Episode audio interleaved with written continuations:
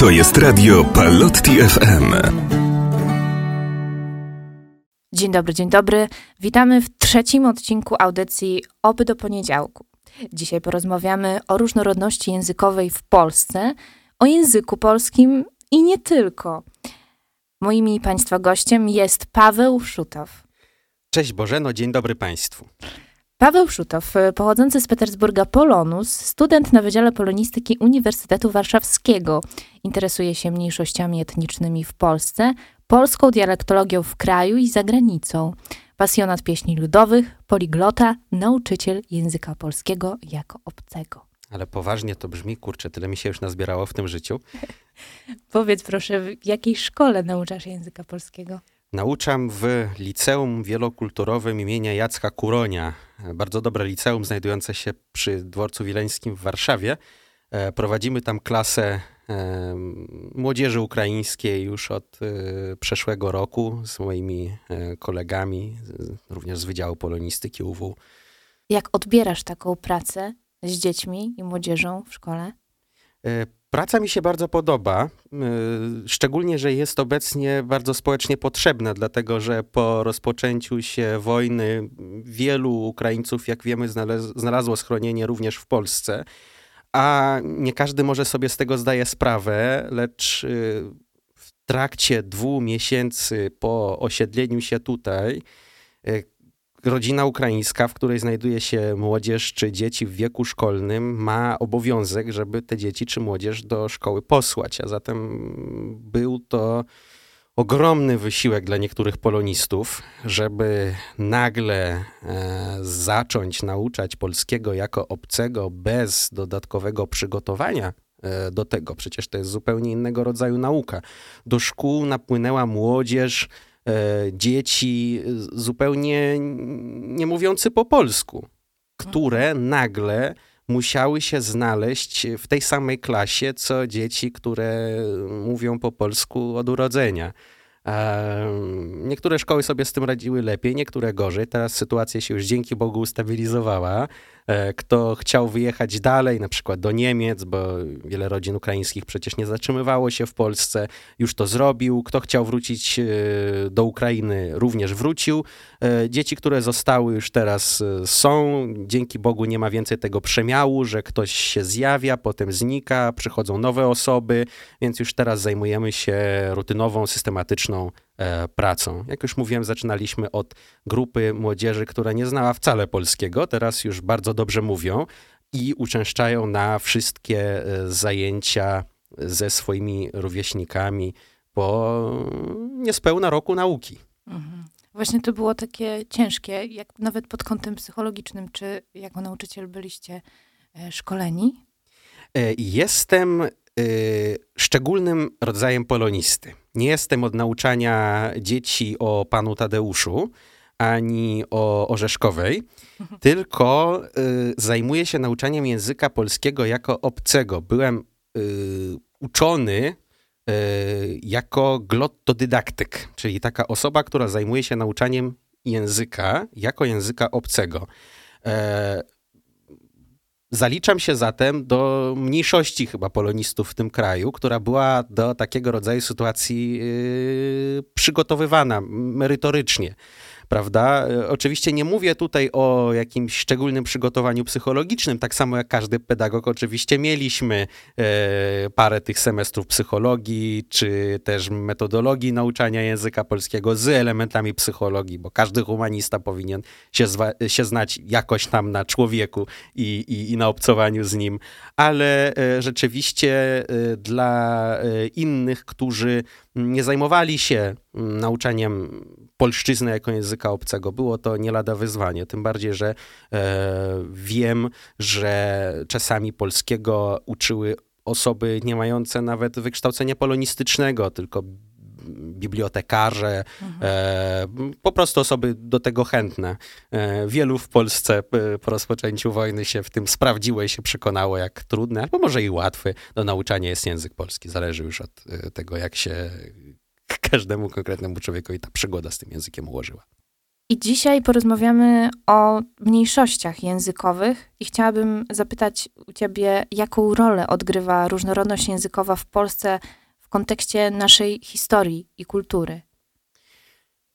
Różnorodność językowa w Polsce jest jej nieodłącznym elementem od y, zarania dziejów, można by było powiedzieć. E, na dobrą sprawę, wielojęzyczność jest stanem naturalnym dla całego świata. Jak pokazują statystyki, e, ponad połowa ludności e, zamieszkująca kulę ziemską wywodzi się ze środowisk więcej niż jednojęzycznych. Czyli tak. większość e, ludzi zamieszkujących ten glob mówi w więcej niż jednym języku. E, w Europie zatem wielu z nas y, przynależy do mniejszości, tej jednojęzycznej mniejszości, co się bierze z idei państwa narodowego, która zrodziła się pod koniec XVIII, na początku XIX wieku. E, te wszystkie wysiłki e, ujednalicające, czy to naukę w szkole, czy też e, po prostu rugujące wszelkiego rodzaju mniejszości. To tak się działo wszędzie właściwie, w całej Europie, nie tylko zresztą Europie. Kraje współcześnie najbardziej tolerancyjne by się zdawało w wieku XIX potrafiły posuwać się do okrutnych y, ze współczesnego punktu widzenia metod, y, jeżeli chodzi o zachęcanie obywateli do używania języka urzędowego. E, weźmy do przykładu też Francję, która miała wiele mniejszości językowych. Do dziś dnia trochę ich jeszcze zostało, ale e, teren występowania wielu języków Francji się bardzo skurczył, choćby jakbyśmy powiedzieli o języku bretońskim. E, Bretonia jest to jeden z niewielu przyczółków, gdzie jeszcze się utrzymuje jeden z języków celtyckich, bretoński. Niegdyś Celtowie zamieszkiwali prawie całą Europę, teraz zostało ich niewielu, trochę na Wyspach Brytyjskich, trochę właśnie we Francji. A wszystko, wszystko z powodu tego ujednolicania właśnie. A Polska, Polska przez e, dość długi czas była państwem e, dosyć otwartym, tolerancyjnym e, na inność, czy to e, jeżeli chodzi o języki, czy to wyznania, jeżeli mówimy o czasach Rzeczypospolitej obojga narodów, to schronienie w niej znajdowało sporo grup mniejszościowych uciekających przed choćby prześladowaniami religijnymi. Mhm. E, tak do przykładu w mm, wieku XVIII e, w blisko 50-60 kilometrach od Łodzi założono miasteczko Zelów. E, powstało ono głównie jako osada założona przez Czechów, którzy uciekali z Imperium Habsburskiego, gdzie wówczas wyznaniem państwowym był katolicyzm. Wszystkich na, na, na, nawracano.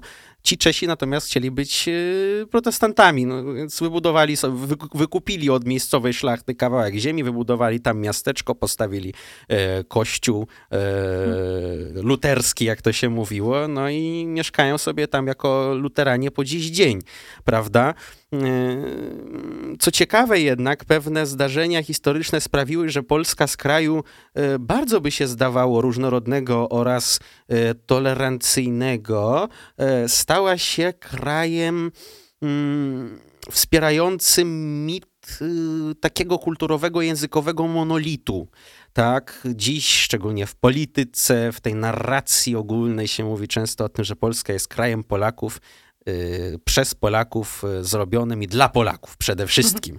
Tak, rzadko się mówi o innych, o jakichś tam mniejszościach etnicznych, narodowych Polskę przecież zamieszkujących, a tak było zresztą od zawsze.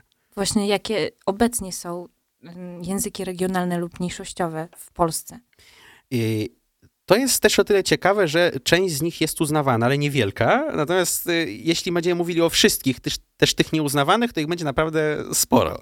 E, zacznę może od y, najprostszego podziału, znajomego wielu chyba jeszcze z lekcji WOS-u w szkole. że mamy mniejszości narodowe oraz etniczne.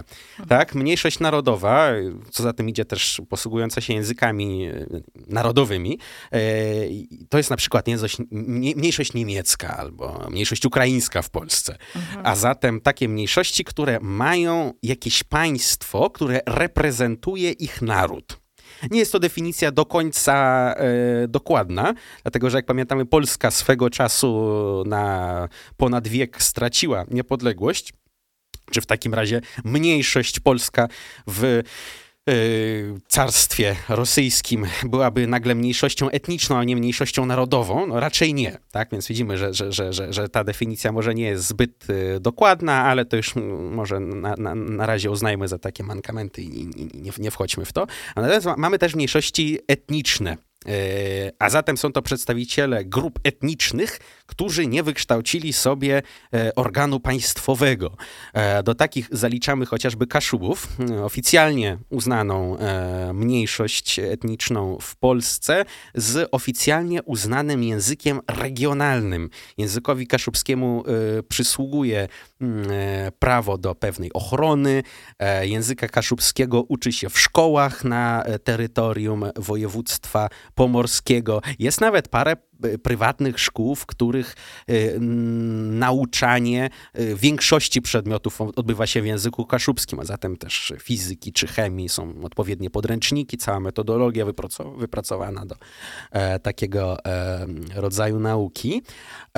Natomiast sporo jest w Polsce mniejszości nieuznawanych, chociażby największa polska mniejszość, czyli Ślązacy, mhm. których państwo polskie już od chyba parunastu lat, jeśli e, dobrze pamiętam, e, nie chce uznać za mniejszość i nie chce, e, nie chce nadawać śląszczyźnie statusu języka regionalnego, mimo już chyba z dziesięciu projektów składanych do Sejmu, wielu set tysięcy podpisów pod różnymi petycjami i tak dalej, prawda? Pamiętajmy, że według poprzedniego spisu powszechnego, nie mówię o tym teraźniejszym, liczby zresztą są podobne, ale w tym e, poprzednim spisie powszechnym narodowość wyłącznie śląską, albo śląską wpisaną na pierwszym miejscu, na drugim dopiero gdzieś polską, zadeklarowało ponad 500 tysięcy obywateli Rzeczypospolitej Polskiej. E, natomiast Sejm swego czasu odmówił chociażby rejestracji e, stowarzyszeniu osób narodowości śląskiej, twierdzą, że Ślązaków nie ma, e, co, co tworzyło sporo, sporo zamieszania w pewnych środowiskach, więc też takie ciekawe, ciekawe rzeczy się czasem odbywają. Kaszubów do porównania jest to wiele mniej niż Ślązaków. E, myślę, że coś koło 200 tysięcy. E, samych Ślązaków, też takich identyfikujących się jako Polacy, bo takich też nie brakuje, myślę, że byłoby o wiele więcej nawet niż 500 tysięcy. To jest tylko 500 tysięcy takich, którzy się otwarcie identyfikują przede wszystkim ze śląskością, może trochę w mniejszym stopniu z polskością. Jest takich, którzy wpisali e, narodowość polską, byłoby może i milion osób, kto wie. Jakoś tak. Mhm. A jak myślisz, jakie w ogóle wyzwania i korzyści niesie ze sobą taka różnorodność językowa dla polskiej społeczności? Jeżeli kiedyś e, można byłoby mówić o wezwaniach, E, dotyczących różnorodności językowej. E, zdajemy sobie chyba sprawę z tego, że gdybyśmy mieli do czynienia z państwem, w którym e, każda wioska mówiła nieco inaczej, trudno by było utworzyć jakiś spójny organ państwowy, co zresztą też dałoby się zrobić. Wystarczy, że popatrzymy na państwa w rodzaju Szwajcarii, gdzie funkcjonuje na poziomie państwowym kilka języków, E, nie słyszałem, żeby obywatele Szwajcarii na to e, narzekali, ale współcześnie w Polsce tych e, mniejszości językowych, mimo że trochę jest, wymieniłem tutaj tylko kilka. Ślązacy, Kaszubi, mamy też chociaż niewielu, ale wciąż jeszcze Żydów, Niemców, Litwinów, Czechów, Romów i to trzy różne grupy Romów, każda z których posługuje się inną odmianą języka romskiego. Czasami tak bardzo od siebie różną, że nie potrafi się z przedstawicielem tej innej grupy po romsku dogadać. E, mniejszość kilka innych, już nie będę wymieniał wszystkich. E, zazwyczaj to są mniejszości bardzo dobrze zintegrowane, posługujące się również językiem państwowym, więc na dobrą sprawę e, ta różnorodność i podtrzymywanie tej różnorodności za wiele nie wymaga. Trudno czasami być może jest znaleźć e, finanse w budżecie państwa na wspieranie pewnych pomysłów, wydawanie książek, etc., ale uważam, że państwo o takim znaczeniu gospodarczym, jakie ma Polska w Europie Środkowo-Wschodniej, może sobie na to pozwolić. Ale czy Polska właśnie podejmuje takie działania? W celu ochrony nawet i promocji. Działania takie są podejmowane, acz w ograniczonym zakresie. Hmm. Dlatego, że jak już powiedziałem, dalece nie każda mniejszość jest uznawana za takową i nie każdy język regionalny, e, którym się posługuje w Polsce, ma status języka regionalnego. Przede wszystkim, jeżeli chodzi o takie mniejszości e, rdzennie polskie, które nie mają reprezentacji w jakimś innym kraju, takie na przykład Niemcy czy Ukraińcy, Białorusini, wspiera, wspiera się przede wszystkim Kaszubów i Łemków, tak, można zdawać maturę z języka łemkowskiego, z języka kaszubskiego. E, na Kaszubach, po kaszubsku nawet można, jak już mówiłem, się uczyć. Natomiast sporo innych mniejszości jest trochę, bym powiedział, zaniedbanych. Można by było tutaj wiele jeszcze zrobić, a korzyści by na pewno się z tego znalazły. Jak pokazuje praktyka niejednego języka mniejszościowego, szczególnie teraz w Europie, kiedy różnorodność, regionalność, odrębność językowa i kulturowa są w centrum uwagi, turystycznie region, który rozwija e, jakąś taką swoją odrębność, wiele na tym zyskuje. E, po przykłady nie musimy daleko chodzić. Wystarczy, że popatrzymy na e, Kaszuby i przejdą się Państwo po Biedronce. E, nieważne, czy jesteśmy w Warszawie, czy jesteśmy na Śląsku, znajdziemy tam serię produktów. E, nie, niekoniecznie to jest prawda, ale e, reklamowanych jako kaszubskie, mających bardziej lub mniej poprawne z językowego punktu widzenia, ale jednak kaszubskie nazwy, zapisane alfabetem kaszubskim, co być może zachęca przynajmniej niektóre grupy odbiorców do nabycia konkretnie tego produktu. No jeśli mam do wyboru ser kaszubski jakiś tam z jakiejś super y, kaszubskiej y, farmy, tak, czy, czy, czy tam gospodarstwa, a, a jaki, jakiś nie wiadomo jaki, gołda, no to może kupię raz ten kaszubski z ciekawości, żeby spróbować. Może będzie akurat smaczniejszy, tak? E, poza tym, no już nie mówię o muzeach, jakichś ciekawostkach, turystycznych i tak dalej, to ma ogromny e, potencjał. A Polska, będąc krajem o bogatej tradycji, o yy, dosyć głębokich, mimo tych wszystkich trudności, które Polska napotykała w ciągu XX wieku, yy, jednak ma, ma, ma te głębokie korzenie kulturowe, yy, naprawdę sporo czegoś takiego może wyprodukować. Niewielu na przykład słyszało o takiej mniejszości jak Wilamowianie. Miasteczko Wilamowice leżące w Polsce między Osięciem a Bielskiem Białą, na hmm. granicy Małopolski i Śląska. Mieszka tam chyba najmniejsza mniejszość w Polsce. Byłeś tam? Oczywiście. Zajmuję się Wielamowianiem. Jestem nawet członkiem Stowarzyszenia Wielamowianie, powiem więcej. E, Wielamowianie posługują się językiem wilamowskim, mają przepiękne stroje. Niech państwo sobie koniecznie sprawdzą strój wilamowski, jak jest kolorowy. E, nie ma czegoś podobnego nawet blisko. E, w całej Polsce. Tak? E, a jednak te, też były próby y, o uznanie języka wilamowskiego za język regionalny, niestety, niestety bezskuteczne. A przecież sama miejscowość Wielamowice, mimo że jest niewielka, jest to miasteczko liczące około 3000 obywateli, na tym wygrywa. Ludzie, przynajmniej ci z okolic, albo nawet z jakichś dalszych części Polski, gdy dowiedzą się o tym, że tutaj znajduje się jakaś niewielka germańska, podkreślam, germańska, nie niemiecka, wielomawianie za Niemców się nie uważają, enklawa, e, przyjeżdżają, oglądają. Teraz w Wielamowicach jest budowane muzeum z funduszy, uwaga, norweskich, mhm. nawet nie polskich, tak? Widzimy, jakie tutaj ciekawe inwestycje czasami e, można e, sprowadzić do swojej gminy, miejscowości, tak? A w Polsce sporo by się dało tak, zrobić takich Wilamowic. Myślę, że wszyscy by na tym skorzystali. To pozdrawiamy serdecznie Wilamowice. I z tego, co pamiętam, interesujesz się właśnie taką mniejszością językową kaszubską? Badania naukowe też prowadzisz z tego co pamiętam. Znaczy, ba badania akurat prowadzę e, przede wszystkim, jeżeli chodzi o gwary polskie poza granicami kraju. E. Jeżeli chodzi o mniejszości polskie, interesuję się przede wszystkim Ślązakami i Wielamowianami właśnie, chociaż Kaszubami też się trochę zajmowałem, czy Mazurami na przykład.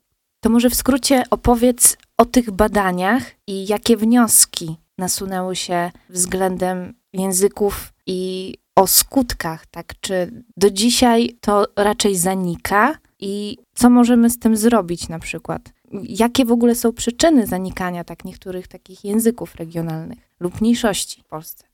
Przyczyny e, są takie same jak wszędzie. Oczywiście postępująca tak zwana globalizacja, ale o globalizacji już tyle mówiono, że to się robi powoli nieciekawe, więc być może przejdę do szczegółów.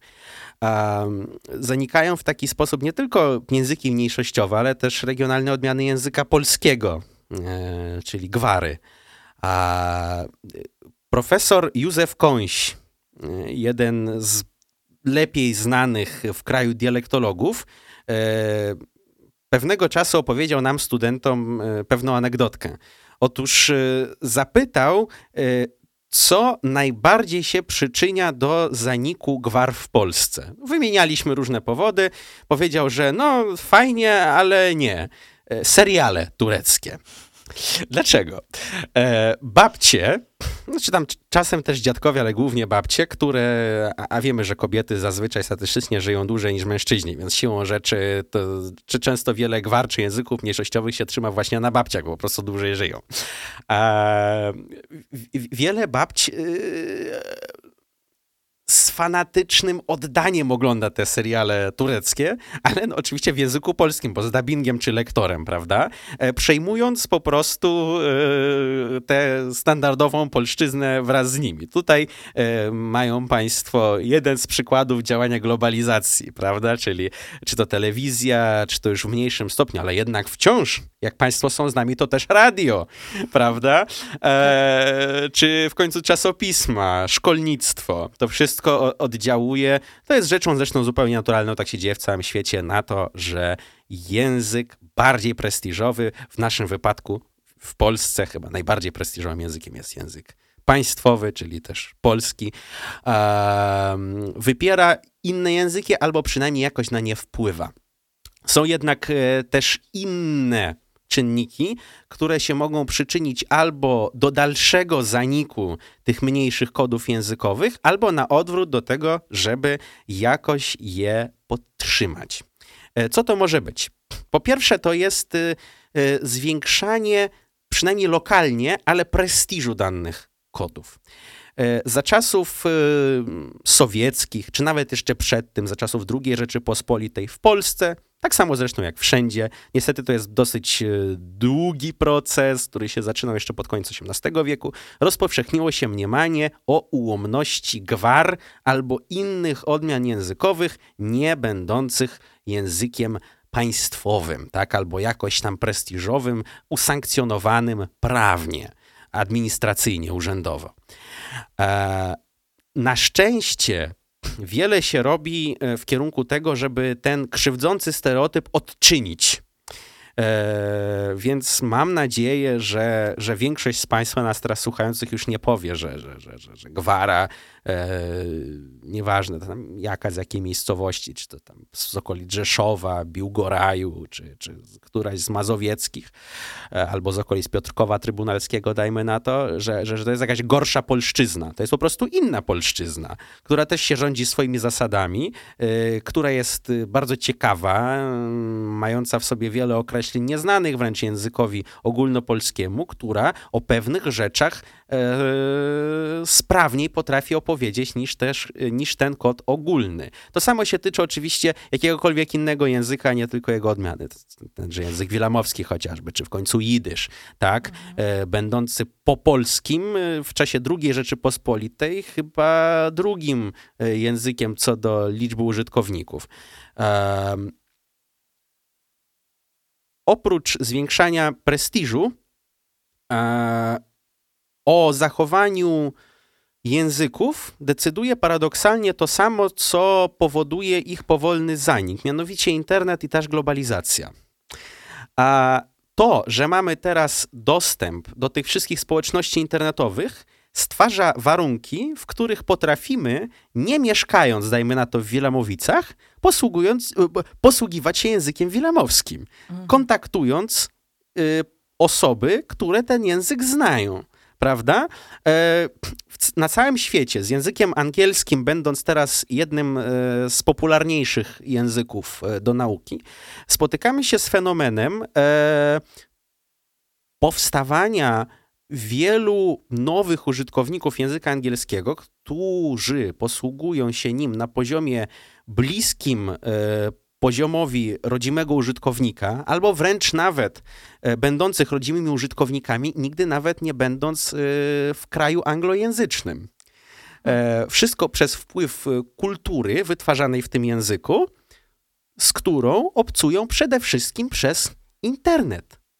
E, wiem o tym dobrze po sobie, bo samemu posługuję się angielskim na co dzień. Mówię całkiem nieźle, a nigdy nie byłem ani w Brytanii, ani w Nowej Zelandii, Australii, Stanach Zjednoczonych czy Kanadzie. Nawet w Republice Afryki Południowej, gdzie język, jest, język angielski jest jednym z języków oficjalnych, oficjalnych nigdy nie byłem. E, jak widzimy, globalizacja e, taka trochę bardziej rozwinięta, daje nam zarówno narzędzia do rugowania inności, jak też mądrze wykorzystana pozwala na tej inności zachowanie oraz rozwój. Wszystko zależy od tego, jaką ścieżkę obierzemy. A obierać kurs na różnorodność warto. Jak pokazują e, badania, e, ludność pochodząca ze społeczności represjonowanych, w tym językowo, takich, które no weźmy do przykładu, y, skoro jestem z Uniwersytetu Warszawskiego, tutaj pozwolę sobie wypromować e, część zespołu badawczego e, z tejże uczelni. Na Wydziale Artes Liberales naucza się języka Nahuatl. Język Nahuatl jest to język Indian południowoamerykańskich do niedawna, nie wiem czy tak wciąż jest, ale jeszcze do, niedawno, do niedawna na pewno Uniwersytet Warszawski był jedyną w świecie uczelnią wyższą, gdzie tego języka uczono. E, badania prowadzone przez e, tamtejszych językoznawców, socjologów, między innymi panią profesor Justynę Olko, e, pokazały, że ci ludzie, w naszym wypadku Indianie, Nahuatl, spotykający się z y, wieloletnimi represjami, e, zmuszani do wyzbywania się własnego języka, przestawiali się wprawdzie potem na hiszpański, posługiwali się nim dosyć sprawnie, ale negatywnie to wpływało na ich zdrowie psychiczne oraz długość życia. Natomiast działania rewitalizacyjne e, prowadzące do odblokowywania jak gdyby tych mówców, do przywracania im wiary w to, że mogą się swoim językiem posługiwać, do nie wiem, jakieś działania skierowane na przypomnienie im tej mowy, języka nahłatl, e, sprawiały, że poprawiało im się zdrowie psychiczne, ale też fizyczne. Taka osoba e, przykładowo mogła delikatnie dłużej żyć, co wynika z badań potem, hmm. prawda? E, więc zdecydowanie różnorodność językowa jest ważna, nie należy, jej, y, nie należy jej niszczyć. Już nie będę wspominał Państwu o tych wszystkich plusach, które, y, które mamy z wielojęzyczności. Myślę, że, że, że, słyszeli o tym Państwo zewsząd, co się mówi. Jak zna się więcej niż jeden język i się nim aktywnie posługuje, mniejsze jest ryzyko demencji starczej, prawda? Y, dzieci teraz co chwila się posyła do przedszkoli z językiem angielskim, co nie tylko, bardzo zresztą słusznie im wcześniej dziecko zaczyna się uczyć języków, tym e, kreatywniejsze językowo jest. I to w każdym języku, który zna. A zatem, jeżeli mówimy w jakimś języku, nawet jeśli jest to język mniejszościowy, nie pozbawiajmy e, dziecka możliwości nauczenia się tego języka. Niech ono y, go od nas czy od naszych dziadków, jeśli już sami się nim nie posługujemy, przejmie. Y, być może nam potem podziękuje za to. Właśnie z takim przejmowaniem języka, jakie znaczenie ma zachowanie, tak? Taki, taki przekaz języka ojczystego w rodzinach polonijnych. E, przekaz międzypokoleniowy, nieważne tutaj, czy mówimy o rodzinach polonijnych, ale o tym też oczywiście teraz opowiem, bo e, prowadzę badania e, między innymi języka polskiego w Rosji, gdzie są jeszcze niewielkie grupy ludności polskojęzycznej, gdzie ten przekaz międzypokoleniowy nie, stał, nie został zerwany. A, A jak to wygląda procentowo? Uh, procentowo w Rosji to wygląda bardzo źle. Polaków, Polaków mówiących po polsku jest tam bardzo niewielu. Nie jest to Białoruś czy Litwa, gdzie Polacy stanowią znaczącą mniejszość, prawda? To jest, no to, są, to są już liczby po zerach i przecinkach, mhm. e, więc może ich lepiej nie nazywajmy, żeby nie było tak depresyjnie, e, ale wracając do tego znaczenia, oprócz znaczenia kulturowego, jakiegoś tożsom, e, tożsoma, e, tożsamościowego, e, język jest jednym z ważniejszych nośników e, tożsamości kulturowej. Dochodzą pewne korzyści tutaj E, no rzeczywiście umysłowe, o których mówiłem, e, jako jakieś bardziej giętki mózg, e, większa łatwość w przyswajaniu sobie innych kolejnych języków, czy w ogóle w uczeniu się, otwiera taka znajomość w tym wypadku polszczyzny sporo też dróg do rozwoju biznesowego, czy do, do, do nauki w Polsce, czy, czy w jakichś firmach pracujących, współpracujących z firmami polskimi. E, nie chodzi tutaj tylko o tłumaczenia, ale cokolwiek, tak? E, praca z klientelą, e, możliwości są naprawdę tutaj spore. Polonusi, czyli hmm, osoby z Polonii, akurat dosyć często przekazują język polski swoim pociechom. Są też tacy, którzy hmm, tłumacząc to e, jakimiś problemami w szkole, które dane dziecko może potem mieć, decyduje się, e, że będą do dzieci mówili w języku angielskim, niemieckim, francuskim, w zależności od kraju, do którego dana rodzina polska wyjechała. E, ale jak pokazuje praktyka, takiego rodzaju podejście jest y, też cokolwiek przestarzałe. Faktycznie, dzieci z rodzin dwujęzycznych e, początkowo w pierwszych klasach potrafią delikatnie odstawać w rozwoju językowym od swoich rówieśników posługujących się tylko jednym językiem, aczkolwiek bliżej końca szkoły oni ich wyprzedzają potrzebują trochę więcej czasu, ale y, skutki pozytywne po pewnym czasie są y, zdecydowanie o wiele większe. Więc jeśli rodzic będzie w stanie e, E, mądrze podejść do edukacji dwujęzycznej dziecka, sprawić, że dziecko nie będzie czuło się wyobcowane w grupie rówieśników, tak, nie będzie mówiło, mamo, nie chcę już więcej chodzić do szkoły, bo tam się mówi po angielsku, a nic nie rozumiem, tak, e, nie, nie, nie, nie wysyłem mniej więcej tam, e, to mm, takie dziecko będzie takiemu rodzicowi po latach wdzięczne. Że... Jak rodzic może się nauczyć takiego prawidłowego, powiedzmy, wychowywania? dwujęzycznego? Prawda jest taka, że e, nie ma jednej recepty na rodzicielstwo ogólnie. Nie mówię tutaj tylko o wychowaniu e, dwujęzycznym, tylko wszystko zależy od tego, w jakich jesteśmy warunkach, w jakim jesteśmy kraju, w jakiej jesteśmy sytuacji finansowej, etc. Ogólna reguła moim zdaniem jest taka, żeby mm, uświadamiać dziecku wartość tej wielokulturowości, wielojęzyczności, pamiętać, że dziecko będzie robiło, szczególnie jak jest małe, błędy w obydwu językach, że to jest zupełnie normalne. E, takie błędy dziecku można poprawiać. E, najlepiej poprawiać je po prostu powtarzając poprawne zdanie w danym języku, nie mówiąc, nie, nie, nie mówisz źle, tylko mm, powtarzamy, dziecko potem powtarza po nas już poprawne zdanie, to jest zupełnie normalny mechanizm. Tak zresztą uczymy też dzieci jednego języka, jeśli wychowujemy je w środowisku monojęzycznym. E, y, praktyka pokazuje też, że bardzo pomaga rozdzielanie środowiska dziecka na e, pewne obszary, które są, które są obsługiwane jednym z tych dwóch czy więcej języków, które są używane. Czyli na przykład, jeśli jeden rodzic y, jest rodzimym użytkownikiem języka polskiego, niech mówi po polsku. Jeśli drugi rodzic jest rodzimym użytkownikiem języka, e, rodzimym e, użytkownikiem języka angielskiego, niech mówi po angielsku. Tak, żeby dziecko miało pewne pewniki. Wie, że do tego rodzica może się zawsze zwrócić po polsku, do drugiego zawsze się zwrócić po angielsku, tak? Mhm. Takie przełączanie kodów wprawdzie nie sprawi, że dziecko nie nauczy się odróżniać od siebie te dwa języki, ale być może trochę ten proces spowolni. Więc praktyka pokazywała, że takie rozdzielanie rzeczywistości na, na, na, na, na, na poszczególne języki czasem pomaga. Dziecko tak czy siak w sposób naturalny się w tym odnajdzie. Dzieci naprawdę potrafią się uczyć szybko i skutecznie, e, więc tutaj, tutaj bym się nie bał. Po prostu e, bądźmy dla takiego dziecka wyrozumiali, wspierajmy je i, i zostawmy naukę języka jemu, bo będzie mówiło w obydwu lepiej od nas. A jak myślisz, jakie są takie możliwości, korzyści płynące z nauki języka regionalnego lub mniejszościowego dla osób spoza tych grup?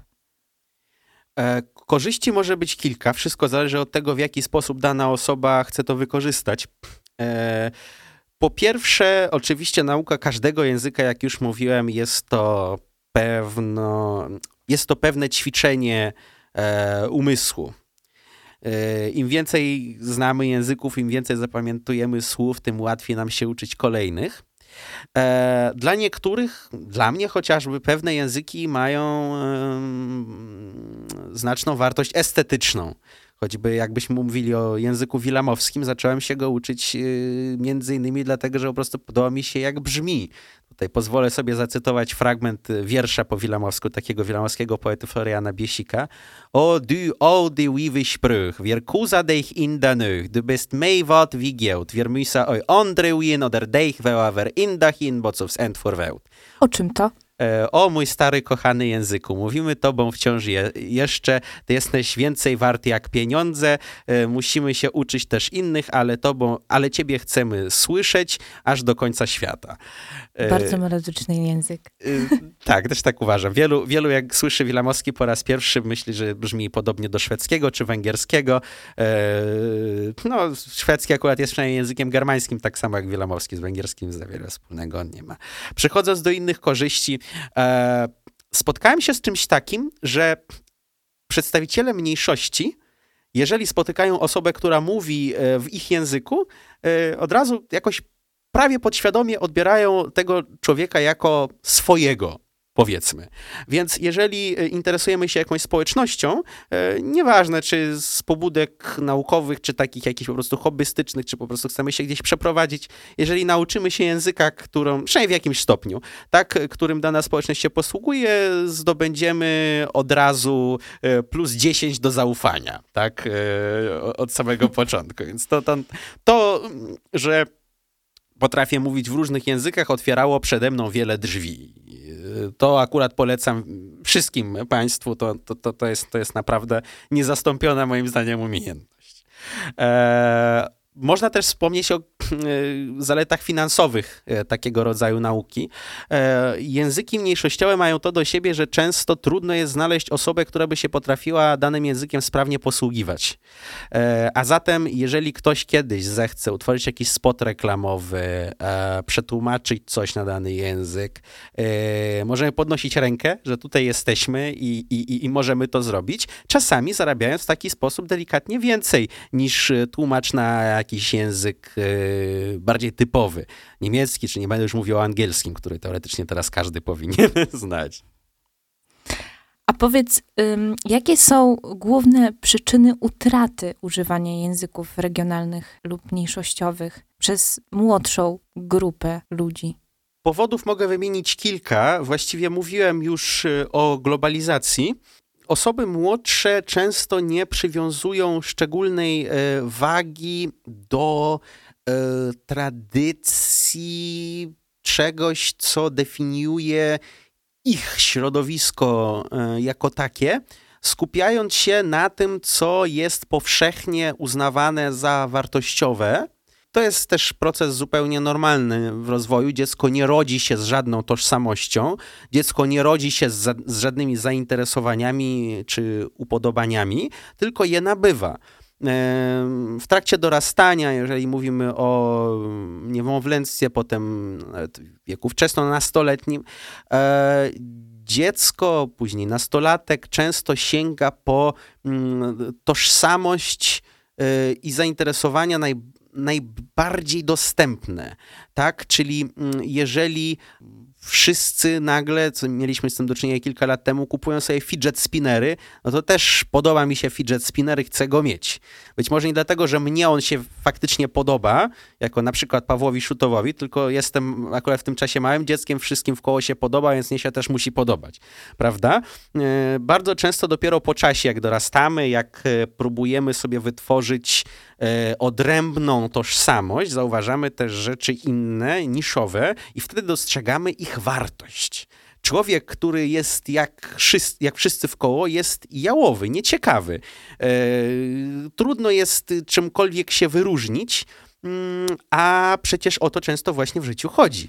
E, nie musimy oczywiście być zupełnymi outsiderami, no ale coś własnego mieć musimy. Wtedy e, bardzo e, pomocne okazują się takie właśnie smaczki, jak na przykład, nie wiem, znajomość języka śląskiego albo jeszcze coś.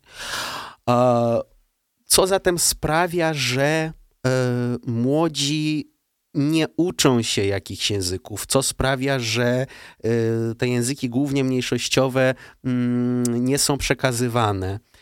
Przede wszystkim prestiż danego kodu językowego, to po pierwsze, a po drugie postawa rodziców czy, czy najbliższego otoczenia. E, wielu decyduje się po prostu na nieprzekazywanie języka, kiedy rodzic, przynajmniej na pewnym etapie rozwoju dziecka, ma nad nim, no nie powiem, że całkowitą kontrolę, ale jednak naprawdę sporo potrafi, e, potrafi zrobić.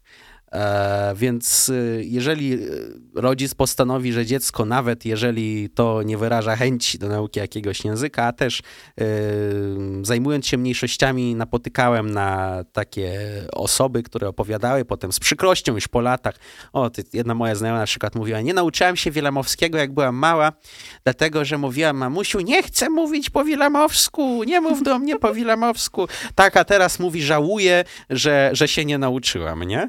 No faktycznie rodzic jak podda się presji, czy to otoczenia, które mówi, że na przykład taki język wilamowski, że tutaj skorzystam z niego jako przykładu, nie jest atrakcyjny i uzna, że a nie chcę, żeby dziecko w szkole miało problemy, niech no y, mówię do niego od początku po polsku, czy to y, dziecko na przykład nie będzie chciało się uczyć z jakiegoś powodu, tak, to przestanę do niego mówić po wilamowsku, czy do niej, do swojej córki. Y, ten język po, po prostu później nie zostaje przekazany i zanika powoli, tak? Więc ja bym wymienił przede wszystkim te dwa powody. Prestiż oraz decyzja rodziców, czy innych opiekunów. Dziękuję Pawle za dzisiejszą rozmowę. Życzymy poszukiwania takich smaczków językowych albo może nauczenia się języka wilamowskiego. dziękuję bardzo, do zobaczenia i oby do poniedziałku. Dziękuję Ci również Bożeno, dziękuję Państwu do następnego poniedziałku.